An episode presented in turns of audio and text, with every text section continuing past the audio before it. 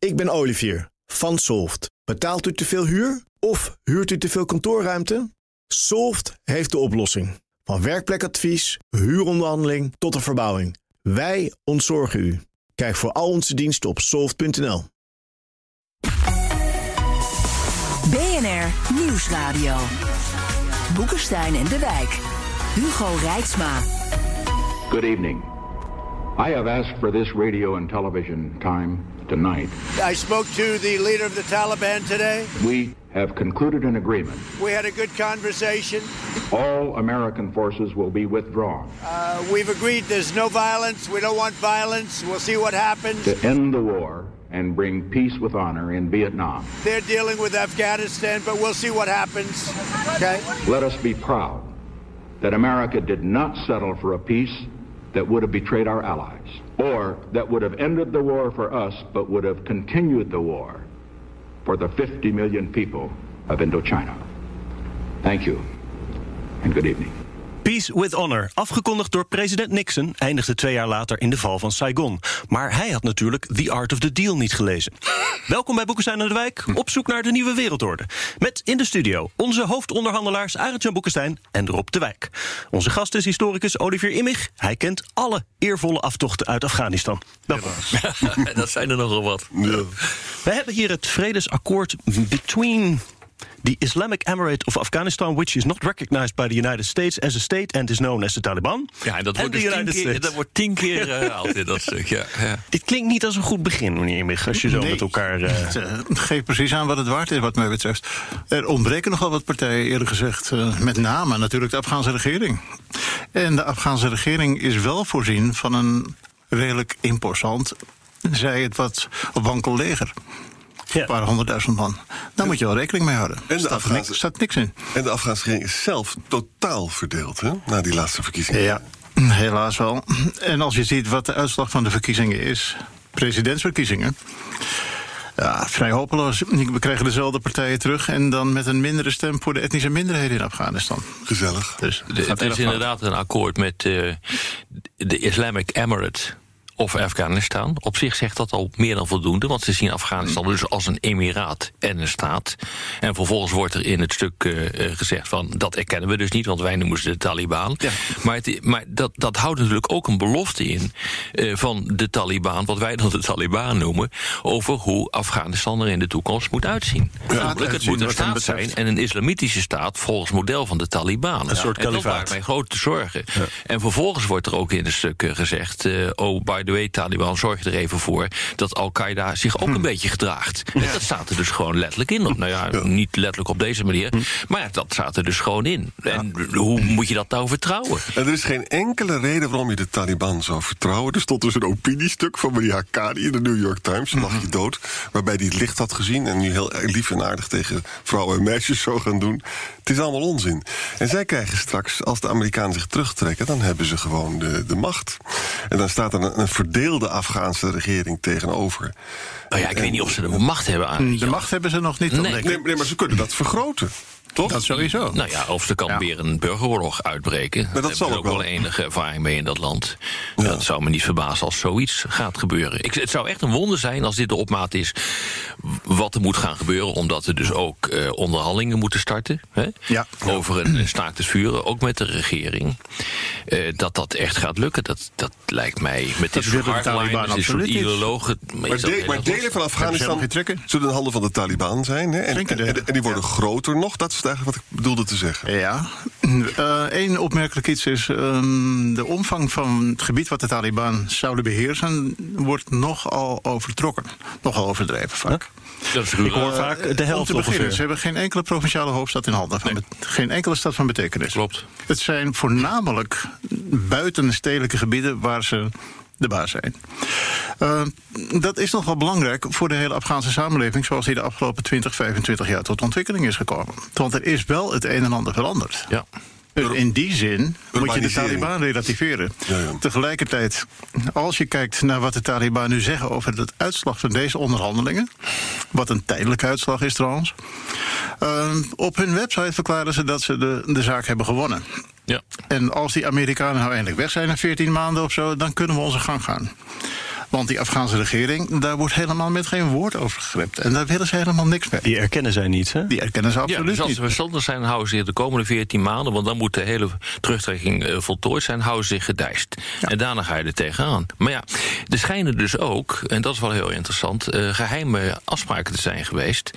En ik denk dat eh, eh, Trump daar ook al eh, op heeft eh, gedoeld toen hij, roep van, toen hij riep van eh, eh, als het fout gaat, zijn we terug. Eh, dat zou best kunnen. Hè, de- dus de- Er zouden afspraken zijn gemaakt eh, als eh, ze zich misdragen, dat de CIA een aantal dingen kan gaan doen. Special Forces een aantal dingen kan- zouden kunnen gaan doen. Die blijven ook, hè? En die blijven ook. Ja. dus eh, er is dus een kans dat in die zin dat gaat lukken. Maar goed, dat moet allemaal nog wel gezien worden. Maar, maar, maar luister eens, Obama deed dat eigenlijk ook al jarenlang. Hè? Eh, Obama noemde dat zelfs een zijn good enough committee. Hè? Van, we zitten een beetje te tuinieren in Afghanistan, we zullen nooit winnen. Dat erkende hij ook in het geheim. Hè? En dan probeer je dus een beetje de zaak in te dammen. Hè? Dat, het, eigenlijk is dat nu ook niks anders dan. Hè? Obama zei ook, er zijn slechte en minder slechte oplossingen. Maar er is geen perfecte oplossing. Nee, uiteraard niet. En hij had volkomen gelijk. En dat had George Bush op zijn manier ook. Niet toen hij zei dat de Taliban waren verslagen in 2002, 2004. Want dat was kennelijke onzin. Maar jongens, Trump is president. Hè? En, Trump, Oh ja. en Trump is bereid om in Syrië zich gewoon eh, terug te trekken. Hebben we gezien. Hè? Dus wie zegt dat hij dat gewoon straks ook. Hij moet gewoon die deal naar binnen hebben voor november, weet je wel. Hij is er gek genoeg voor. Ja. Oh, dat denk, denk ik ook. Ja, want in die eerste fase gaan ze terug naar het aantal troepen die er waren op het eind van de termijn van Obama. Ja, dat is die 8600 hè, die exact. hierin Dus staat genoemd. ongeveer. Ik bedoel, dat kan 100, 200 man schelen, maar dat is het ongeveer. En dat wordt gezien als een soort van minimum, begreep ja, ik. Dus als het fout gaat na november, na de verkiezingen, dan eh, nou, kan hij altijd nog zeggen van we blijven. Ja, dat kan wel. Ja, dat kan hij heel makkelijk doen dan. Maar, maar daarvoor wil hij misschien wel alles weghalen. Nee, dat gaat Nee, hij niet doen. Want dat daar heeft hij hij niet 14 maanden de tijd voor vanaf nu. Om precies te zijn vanaf 15 Rajab 1441. en dan ook alleen nog maar volgens de, De Hijra-kalender. de Hija Luna Hijra- kalender. Ja. Nou ja, je moet een kalender hebben.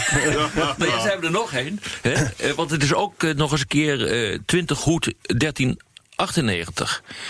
Wanneer ze weg moeten. Wa- Wat is het eigenlijk, die twee kalenders van die Taliban? Ah, dat komt natuurlijk voort uit de islamitische wordingsgeschiedenis van het hele Afghanistan-verhaal ook. Eh, het is een islamitische kalender. Ja, maar ze hebben er twee. Ganz einfach. Ja, het gaat over de profeet. Oké. Daar begint het maar als we nou En eventjes niet, voor het, het klinkt wel erg middeleeuws. Ik bedoel, het, het, het- ze hebben die kalender, daar is het in de- nog steeds de middeleeuwen in die kalender. Maar zo ziet het er ook allemaal wel uit. Ja. Ja, maar dat is heel kort door de bocht. Weet ik, dat weet ik. Dat- Zo zijn wij ook. Maar als we die kalender nou even een beetje aflopen. Hè. Er is dus afgesproken die troepenreductie, lees ik. Eh, en er worden eh, een soort gevangenenruil. Ja, dat is het idee. Maar er valt niet zoveel te ruilen. Er zijn 5000 Taliban-gevangenen, zegt men. En Misschien zijn het er ook wel 8000, dat weet ik niet. Of 3000. De cijfers in, in en over Afghanistan zijn notoir fout. Niet onbetrouwbaar, maar fout. En dan zijn er ook nog duizend eh, gevangenen aan de andere kant. Ja, wat wil je nou ruilen? Of is één Taliban-strijder een, een kwart oppositielid waard? ik heb de afspraak heb niet gemaakt. idee. Maar ook, de Afghaanse regering wil niemand vrijlaten. Nee, natuurlijk niet. Die komen terug en die beginnen weer opnieuw. Ja, natuurlijk. Dat we heeft beginnen de geschiedenis inmiddels bewezen. Alles wat Ja. vanaf Guantanamo is vrijgelaten, is teruggegaan naar Afghanistan en is weer begonnen. Ja. En in Afghanistan zaten zelf, nou ja, kennelijk 5000 eh, man gevangen. Eh, waarvan ook een tamelijk aantal mensen waarvan men dacht dat ze al dood waren. Dus die, dus die gaan ook nog eens een keer herreizen uit de dood. Ik vind het knap. Ja. Ik zou dat nog eens te vergelijken met die akkoorden van Parijs. Met Nixon en, Ja. en Kissinger. Daar zag ik overigens dat toen Zuid-Vietnam ook niet aan tafel zat. Nou ging dat met dat akkoord uiteindelijk ook niet zo goed. Maar dus het is, zo bijzonder is dat niet. Ehm, het is wel zo dat Nixon die had toen een staakt het vuren geregeld. En dat is er hier ook niet. Nee, maar niks was, was stiekem aan het bombarderen nog tijdens de Parijs-onderhandelingen. Weet je nog? Klopt. En daar, daar was het congres, wist dat niet. En dat was ook een belangrijke accelerator. In, eh, Maar, maar dus hier in Afghanistan, er, er is iets, iets van een akkoord met de Taliban. Maar er wordt ondertussen nog gevochten. Hoe moet ik dat Ah, begrijpen? we hebben eerst een proefperiode gehad van zeven dagen die volslagen eh, mislukt is eigenlijk. Ja. Maar hij wordt gebracht alsof hij wel gelukt is. Ja. Dat is voor de bühne, neem, neem ik aan. Hm, Dat kunnen we heel Wat goed in dit deel van de wereld zeven blijkbaar. dagen dan? Wat is er gebeurd? Zeven dagen moesten ze elkaar beloven niet al te hard op elkaar te schieten. En dat schijnt men geprobeerd te hebben. Maar er zijn tientallen incidenten gemeld. Niet in de reguliere pers, maar wel in de pers die Afghanistan goed volgt. De kritische pers, zou je kunnen zeggen. Hoe ernstig is dat? Nou ja, god, als je 30, 40 aanvallen in zeven dagen tijd registreert van Taliban op regeringsposten, dan is dat vrij ernstig. En de Amerikanen hebben ook gereageerd. Ze moesten wel. Wat hebben ze gedaan? Gebombardeerd. Oké. Dus ja. Dus met, eigenlijk is er een parallel dus met Parijs. Hè. Er wordt dus ook gewoon doorgevochten. Ja. Terwijl ze onderhandelen. Maar moet dan de komende tijd de Taliban nog iets doen... in Ja. ruil voor die Amerikaanse troepentterugtrekking? Ze moeten absoluut gaan praten met die regering als ze geloofwaardig willen overkomen. En dat is ongeveer het laatste waar ze trek in hebben, want ze hebben de oorlog gewonnen. Amerikanen gaan weg. Ja, ja Dus waarom die, zou je? die gesprekken zijn er nu geweest tussen Amerikanen en de regering. Volgens mij was Espen daar, hè, de minister van eh, Defensie, Ja. tegelijkertijd met eh, de ondertekening van dat akkoord. Stoltenberg was er volgens mij ook, eh, de secretaris-generaal Ah, van de. NAVO. Ah. En die hebben, en dat is wel interessant, want jij noemde net ook dat, dat leger dat is opgebouwd. Dus 300.000 man, wat is het, zoiets hè? Die zullen ze verder gaan helpen. Ja. Ja, die, die blij- worden blijvend gefinancierd Ja. vanuit het Westen, zoals het heet. Dat betekent voornamelijk Amerika en NATO. Ehm, en ze worden getraind. Ja. Dat is ook de bedoeling door een 5000 Amerikaanse soldaten die daar Ja. blijven. Ja, Dat want in het begin was er bijna niks aan leger. Nee. Een paar duizend man. Nu zijn het er 300.000. Een Ja, beetje nou ja, op en af. Want er is een grote desertie. En het kost ontzettend veel moeite om Afghanen te motiveren... om langer bij dat leger te blijven dan strikt noodzakelijk. Net als bij de politie. Ja, hetzelfde verhaal. Ja. En Amerikanen grijpen alle mogelijkheden aan om iets te organiseren wat, wat lijkt op een gewapende macht tegen de Taliban. Of het nou lokale politie is, of een nationaal leger, of de nationale politie. Milities. Dat zet geen zoden aan de dijk, want die beginnen voor zichzelf. En daarmee creëer je al het volgende moeras. Ja. En aangezien we nu Trump aan de macht hebben, zal het wel weer drain the swamp worden. Maar ik weet niet hoe. BNR Nieuwsradio. Boekenstein en de Wijk. Op zoek naar de nieuwe wereldorde. Hugo Dit is. Boekenstein en de Wijk. En dat programma is natuurlijk niet zonder Arend-Jan Boekenstein en Rob de Wijk. Mijn naam is Hugo Reitsma, maar dat hoorde u al. En onze gast, Afghanistan-kenner Olivier Immig... zat al bij Rob de Wijk in de uitzending over dit onderwerp in... Ja, heel lang geleden. Even mijn geheugen aftasten. 1985. Fe- en Maar toen ging het over de Sovjet-Unie. Toen ging het over de Russen die in Ja. het moeras zaten. En de Russen strijden, streden tegen dezelfde vijand als de Amerikanen nu. Grofweg. Dat is al een hele andere tijd. Nou ja, diep in de vorige eeuw. Maar er is dus wel enige continuïteit in eh en de Amerikanen financieren. Je kunt zeggen wat je wil over de Afghanen en Afghanistan, maar ze zijn erg van de continuïteit. Ja, de Sovjet-Unie. En de Amerikanen financieren toen de Mujahideen. Ja? Absoluut. En dat waren precies dezelfde mensen die nu voor een deel Taliban zijn. Ja, voor een deel. Dus stuurt toch gewoon de, de, de, kerkhof van de grootmacht, hè? Ja. Afghanistan, dat, eh, er is er nu weer een bijgekomen, Amerika. Peace with honor.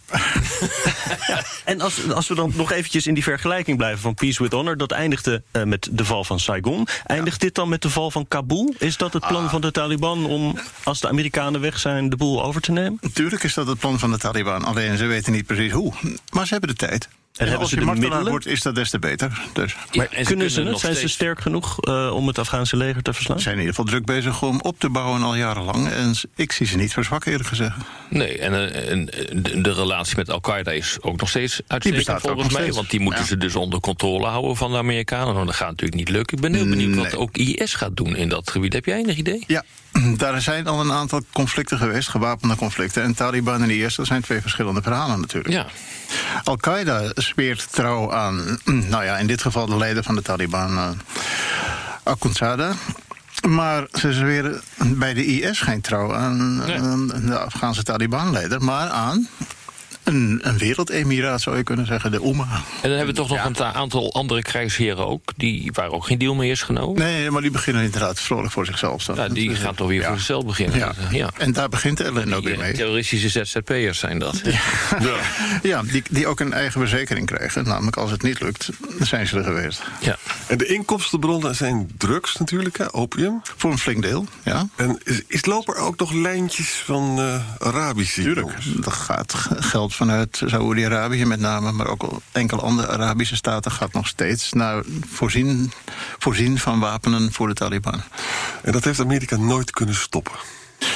Nauwelijks, blijkbaar.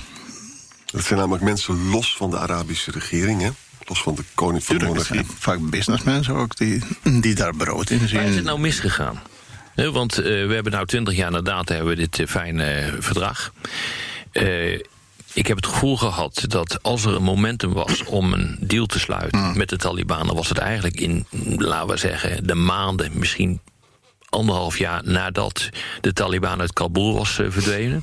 Toen hebben ze ook zelf gevraagd of ze konden onderhandelen. Toen hebben we die discussie gehad over de terugkeer van koning Shah. Die is wel teruggekeerd, maar niet als koning. Nee. Eh, Dat moest een eh, verbindende factor worden. Dat is allemaal afgewezen door de Amerikanen. Ja. Eh, die wilden absoluut niet praten met de Taliban. Het doet mij heel sterk denken aan wat de Amerikanen later hebben gedaan eh, in Irak. Waar Saddam Hussein eruit gegooid. Niet praten met, met de Soenieten, de hele bureaucratie weg. En dat is eigenlijk de aanleiding geworden van de ellende waar we nu nog steeds eh, in zitten. Eh, is dat nou zo? Eh, Zijn we nu eigenlijk terug bij af? Wel onderhandelen met de Taliban, waar we eigenlijk niet mee willen onderhandelen. En eh, maar hopen dat het goed gaat. Wat ik zei in het begin, eh, de Taliban worden op een bepaalde manier ook bewust overschat. In, in hun eh rijkwijde van gezag en bezettingsgebied gebied van bezetting. Eh, we hebben inmiddels natuurlijk wel vier presidentsverkiezingen gehad in Afghanistan. De jongste heeft de, de zittende president opnieuw bevestigd voor een termijn van vijf jaar. En dat betekent wel iets. Hoewel steeds minder mensen gaan stemmen in Afghanistan is er toch nog altijd een miljoen mensen geweest die het de moeite waard vond om Ghani terug te stemmen. Dus ja, in die zin zou je kunnen zeggen, het gaat wel door, dat democratische proces, of hoe we dat ook mogen noemen, moeten noemen. Jawel, maar ik, eh, mijn vraag was: van, hebben we toen het momentum laten verlopen? Er is vaak genoeg verklaard dat de Taliban waren verslagen in het Westen. En klaarblijkelijk was dat onzin. Mensen die daar goed Wist naar keken. tevoren wel dat het onzin was? Ja, Want dat soort groepen zijn gewoon niet te verslaan op maar een het normale wordt nog steeds gezegd door, door sommige politieke kringen in, Ja, in allerlei. Ja. Ja, precies. Maar daar hoeven we dan ook niet verrast over te zijn. Nee. En plotseling komt er dan inderdaad een nieuwsbericht dat eh, nou, jarenlang zijn de Amerikanen, maar ook de Europeanen en wij in Nederland ook misleid door politici en misschien ook wel militairen. Dat, dat staat er niet zo expliciet bij vaak. eh, over het feit dat het zo lekker ging in Afghanistan. Het ging helemaal niet zo lekker in Afghanistan. Wat uit die Afghanistan Papers eh, zo bleek. Precies. hè? Ja. Maar, dat is, maar, maar die Afghanistan Papers van de Washington Post. Eh, die bevestigen gewoon de aloude eh conclusie. dat met dit soort opstanden. dat je die gewoon niet kunt winnen. Nee. Ik bedoel, dat is nog nooit gebeurd in de geschiedenis, volgens mij. Eh, je moet zoeken naar een politieke oplossing. eh, en dan kom je inderdaad uit bij dit soort verschrikkelijke eh, oplossingen. En dan maar hopen dat het goed gaat. Maar militair zijn dit soort eh, groepen gewoon niet te verslaan. Dat weten we gewoon. Dat weten we al sinds de dagen van Sun Tzu, 2500 jaar geleden. Dit is gewoon irreguliere oorlogsvoering. En dat kan gewoon helemaal niet. En wat, en wat het nog erger maakt is, onze westerse interventie heeft natuurlijk wel de groepen in de Afghaanse samenleving die baat hebben bij zeg maar meer democratie, hè, die heeft hij wat sterker gemaakt. Maar uiteindelijk eh, is het nu natuurlijk zo dat als, als de Amerikanen daar weggaan, dat er dus die oorlog, die, die wordt gewoon voortgezet. En wij hebben die ene groep sterker gemaakt. En daardoor hebben we niet voor vrede gekozen. Nou ja, weet je, kijk, het, eh, voor mij, eh, Olivier, ik weet niet wat jij daarvan vindt. eh, is de, grootste, de, grootste, de grootste winst. Ja. De grootste winst die we hebben gezien is dat die barbarij van de, eh, van de Taliban, waardoor ook de Taliban niet werd geaccepteerd door de internationale gemeenschap. Ze hadden gewoon geen diplomatieke relaties. Ehm, die barbarij, die, die is voorbij. Althans op een grote schaal. Ik herinner me nog goed dat eh, eigenlijk vlak na de inname van Kabul... ik in Kabul was en ik liep daar door het Ghazi-stadion. Tot, tot zeer recent had de Taliban daar al zijn executies uit, eh, eh, eh, uitgevoerd. Nou, ik zal niet herhalen wat ik er allemaal gehoord heb... en wat, ze mij allemaal, ja, wat mij allemaal verteld is. Dat was echt verschrikkelijk. Dat bestaat niet meer. Ik vind dat een van de grote winstpunten... die we de afgelopen twintig jaar hebben, hebben gezien.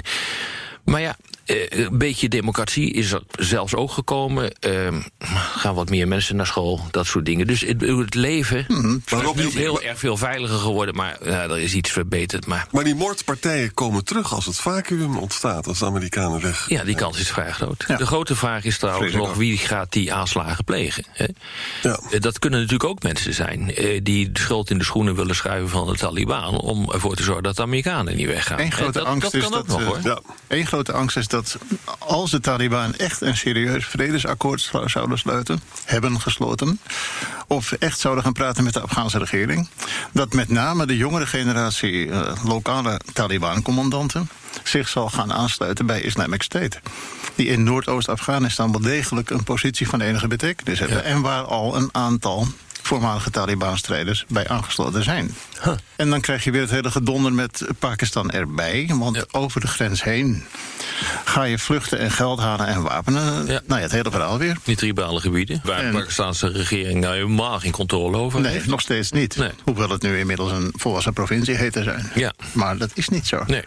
Zeg, als, als ik jullie goed versta, dat je zegt: eh, dit werd nooit wat, het wordt nooit wat, eh, je een hopeloos verhaal. 100% zeker. Heeft Trump dan niet gelijk om gewoon maar weg te gaan? Want ja, wat doe je daar dan? Ja, je, je, je moet er een keer weggaan. Ja. Dus in, ja, in die zin vind ik dat Trump wel gelijk eh, heeft. En op een gegeven moment ja, moet je maar je verlies nemen. En dan denk je, nou ja, het is een zootje en het, eh, het blijft een zootje.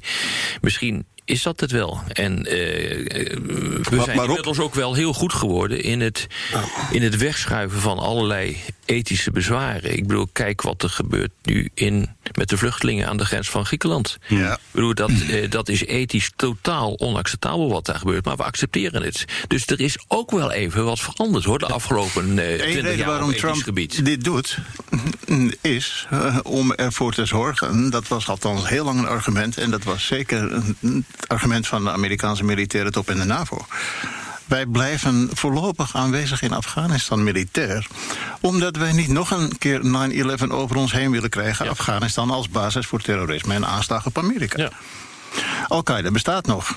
Dus eigenlijk heeft, hebben, heeft, hebben de Amerikanen een, een beslissing genomen. Hè, van, wij denken nationaal ons wel te kunnen beschermen... door iedereen te kunnen surveilleren, als het ware.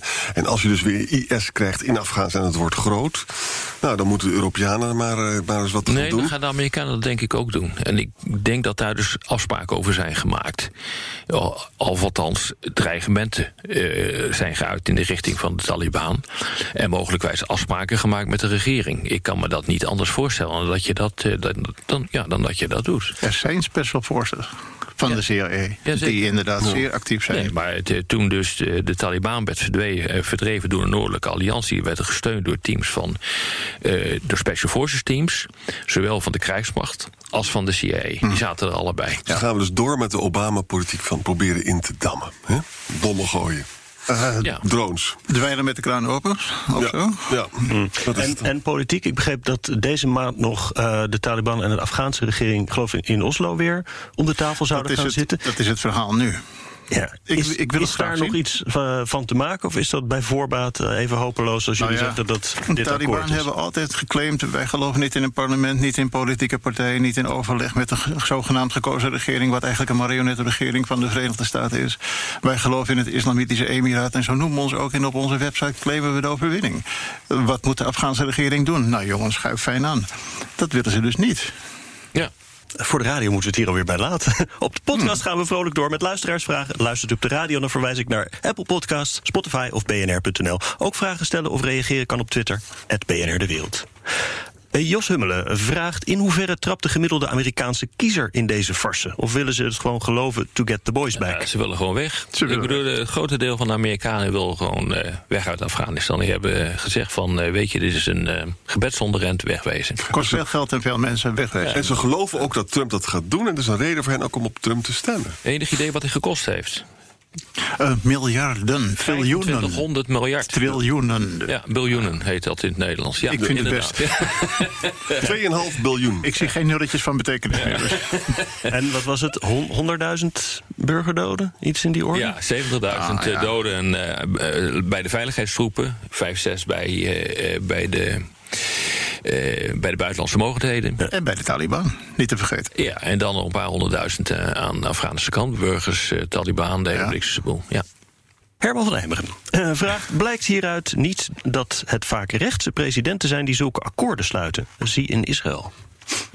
Had een democraat dit ook kunnen doen? Dit akkoord dat Trump er nu doorheen. Uh, nou, het is wel waar dat dat inderdaad uh, vaak uh, rechtse mensen zijn die dat, die dat doen. De goal in Algerije. Omdat die niet minder. Die, ja, die worden minder behept. Die worden minder behept door ethische overwegingen. Ja. Ja, dat is, gewoon, dat is gewoon een feit. En uh, in de verrechtsing die je nu ziet. Nou, ik heb net even het voorbeeld uh, ook genoemd van de vluchtelingen aan de grens van, uh, van Griekenland. Mm. In de verrechtsing die je nu ziet in het politieke debat, maar ook binnen de, binnen de overheid of binnen de maatschappij, is het evident dat die moraliteit, die ethiek inderdaad op de, op de achtergrond wordt geschoven. En dat je naar hele pragmatische oplossingen gaat waarbij je, bij, waarbij je ja, eigenlijk je verlies neemt.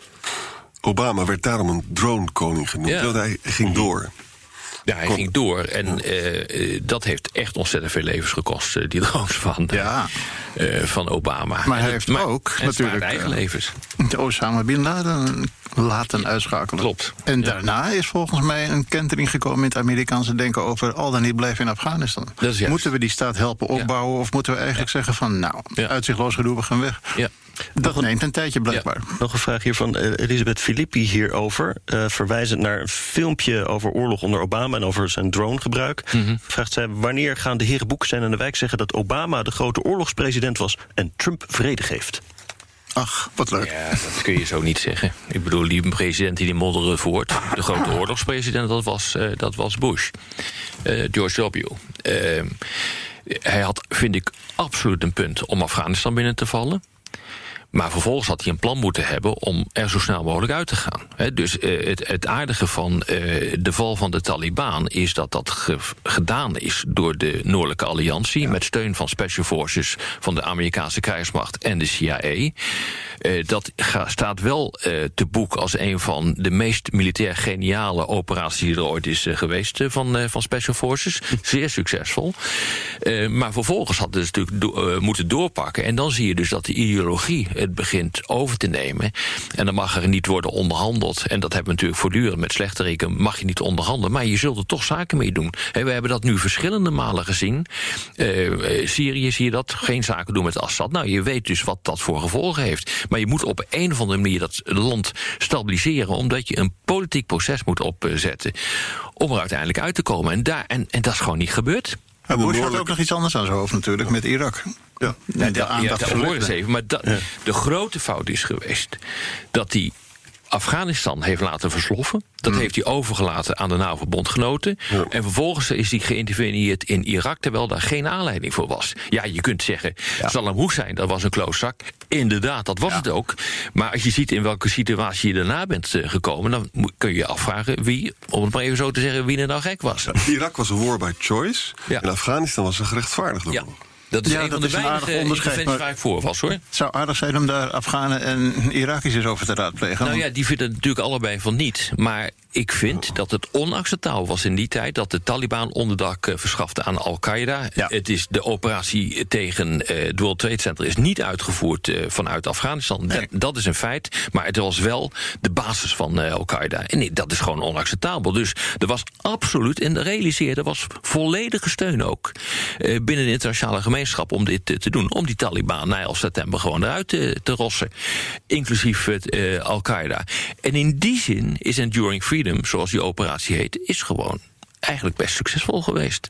Dirk Kwakkel verwijst naar een uh, stuk in de Washington Post... waarin gesproken wordt over the good, the bad en the ugly. Ja, en dat, dat zijn dan. Ja. ja. precies. De ugly is dan het, uh, het Zuid-Vietnam-scenario. De uh, good, good, was Colombia. Colombia en de bad was een Libanon-scenario. Nou, volgens mij hebben we de ugly-scenario afdoende besproken. Maar is er nog een, een mogelijk Colombia of een, nee, een Libanon-scenario? Nee, nee, nu niet meer. Dat, dat, dat is verlopen dan had er een politieke deal moeten komen, net zoals Colombia, met de mensen waar we niet van houden. Ja. Dat is daar gewoon gebeurd, hè? met de vark was dat. Daar, daar is, uiteindelijk is daar een, een deal uh, mee, mee, gesloten. Dat zul je moeten doen. Dus Trump doet dat nu. Die, die zal dit ongetwijfeld uh, uh, uitleggen als een Colombia-scenario. Ja. Maar dat moet allemaal nog maar blijken. Als hij weet waar het ligt. Ja. ja. Mita Groeneveld vraagt... wat gaat deze bilaterale deal doen met de NAVO-missie? Uh, ja, die houdt op. Want als je dus naar de deal kijkt, dan gaan ook de allies weg. Dus alles wordt teruggetrokken. Iedereen gaat weg. Iedereen gaat weg. En stiekem wil de NAVO dat ook graag. Ja. Maarten van Wely vraagt: waarom kan er nu wel met terroristen gesproken worden en 20 jaar geleden niet? Ja, dat is, vind ik dus ook eh, vind ik een hele goede vraag. En dat is, eh, ja, dat is ideologie. Ja, de- de- de- echt gewoon, maar misschien sta ik hier alleen in hoor, eh, in dit gezelschap. Eh, dat is ideologie. Je mag niet praten met de slechterikken. Die moet je verslaan. Nou, dat kan dus niet gezien de karakteristieken van het type oorlog waarin je verzeild bent eh, geraakt. Dat is dan misschien ook vraag, Nou ja. antwoord op Ja, de vraag die daarna komt van jij? hem. Eh, gaat het dan ook over 10, 15 jaar gesproken worden met Assad? Oh nee, dat doen we eerder. Dat doen we eerder, ja. En dat hadden we ook al veel eerder met Assad Ja. moeten doen. Ook niet iemand die aardig wat vindt waarschijnlijk. Maar. Maar was jij wel of niet? Er is een Bonn Agreement gesloten in 2001... waarbij eh, Hamid Karzai uiteraard interim-president werd. In 2004 werd hij gekozen, in 2009 nog een keer. Mooi. Maar Karzai heeft gezegd in 2002, 2003... "Mm, wat jullie in het Westen doen is een beetje erg fout. Eh, jullie zouden moeten gaan onderhandelen, in ieder geval proberen te onderhandelen met mijn tegenstander, hoewel hij zelf korte tijd bij de Taliban zich heeft aangesloten. en verder, jullie moeten niet zoveel geld in dit land pompen, want het leidt tot gigantische corruptie. Ik ken mijn landgenoten. Exact wat er gebeurd is. Exact, ja. Hadden Helaas. nog een vraag overigens van Bart Groothuis, eh, VVD-Europarlementariër. Wat een uitkomst zou kunnen zijn van een mogelijke tweede bondconferentie. Maar dan met de Taliban aan tafel. Ah ja. Nou, dan zou je ze eerst aan tafel moeten krijgen. En dat, dat zou ik al een major achievement vinden. Een geweldige verworvenheid. Want zij weigeren om met de Afghaanse regering... internationaal aan tafel. Ja, want ze- Wauw. Want ze weigeren om met de Afghaanse regering aan tafel te gaan zitten. Ja, absoluut. En dat zijn ook. Ze zijn, komen uit dezelfde etnische groepering, voor alle duidelijkheid. De meeste leden van de Afghaanse regering, vorige en huidige, als de Taliban. Maar ze hebben tegengestelde belangen. Een vraag, volgens mij we kwamen er al bijna een beetje op, was nog hoe groot achten jullie de kans dat we een Syrië terugtrekking 2.0 krijgen en Trump om zijn achterban te pleasen of herverkiezing kracht bij te zetten de troepen gewoon terugtrekt wanneer hem dat het beste uitkomt, ongeacht de situatie daar in Afghanistan? De vraag stellen is een beantwoorden ongeveer. Ja. Ja, ik denk dat het zo is. Ik ben daar bang voor. Ja. Ja. Ook in strijd overigens met de afspraken van dit zogenaamde akkoord. Hè? Nee, het is een echt akkoord. Er staan handtekeningen onder. Goed. Edo Heidsma eh, vraagt: eh, Pakistan kampt aan twee zijden met strijd. Taliban uit Afghanistan en Kashmir. Traditioneel gaat in Pakistan de aandacht uit naar Kashmir, waardoor Taliban niet bestreden wordt. Welke invloed heeft deze deal op de Taliban in Pakistan? Of blijft oplossing van conflict in Kashmir de sleutel? Nee, Kashmir staat hier volgens mij los van. Maar Ja. misschien zie ik dat Ik denk dat. Kashmir los staat hiervan, maar wel bepalend is voor wat, wat Pakistan doet. Veel meer dan de Taliban. Ehm, die paar miljoen Afghaanse vluchtelingen die nog in de Pakistanse grensstreek verblijven, tot op de dag van vandaag, die zitten er al heel lang trouwens, die zijn niet meer zo interessant voor de Pakistanse regering. Die doen het economisch ongeveer net zo beroerd of goed, zo je wilt, als de lokale bevolking. Ehm, nee, Pakistan heeft andere dingen aan zijn hoofd, met name dan India's Kashmir op het ogenblik. Ja.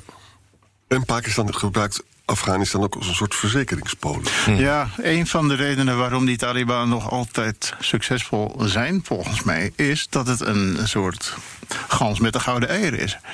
Als je dat probleem hebt en handhaaft. Dus haakjes, daarom is Osama Bin Laden waarschijnlijk ook zo lang op vrije voeten gebleven. Dan garandeer je ook een bepaalde mate van inkomen uit de steden waar het inkomen te halen valt. Washington, eh, Europa. Ja, ik weet niet of dat nou echt heeft meegespeeld. Het is wel een aardige gedachte, moet, ik, Musharraf eh, zei moet ik. Eh, generaal Musharraf, de dictator van Pakistan. Die zei, ja, we, we zullen wel gek zijn als we Osama vangen. En als we hem vangen, laat het dan in godsnaam niet in Pakistan zijn. Want dan hebben wij het gedaan. Ja, ze wisten wel waar die zat. Ze wisten precies waar hij zat. Ja. Ja. Nou. Tot zover het vredesakkoord tussen de Amerikanen en de Afghanen. Dit was weer Boekestein naar de Wijk. Namens Arendt Boekestein en Rob de Wijk zeg ik... Was, het dat, was dat het akkoord? Speciaal aan. En tot volgende week. Oliver man.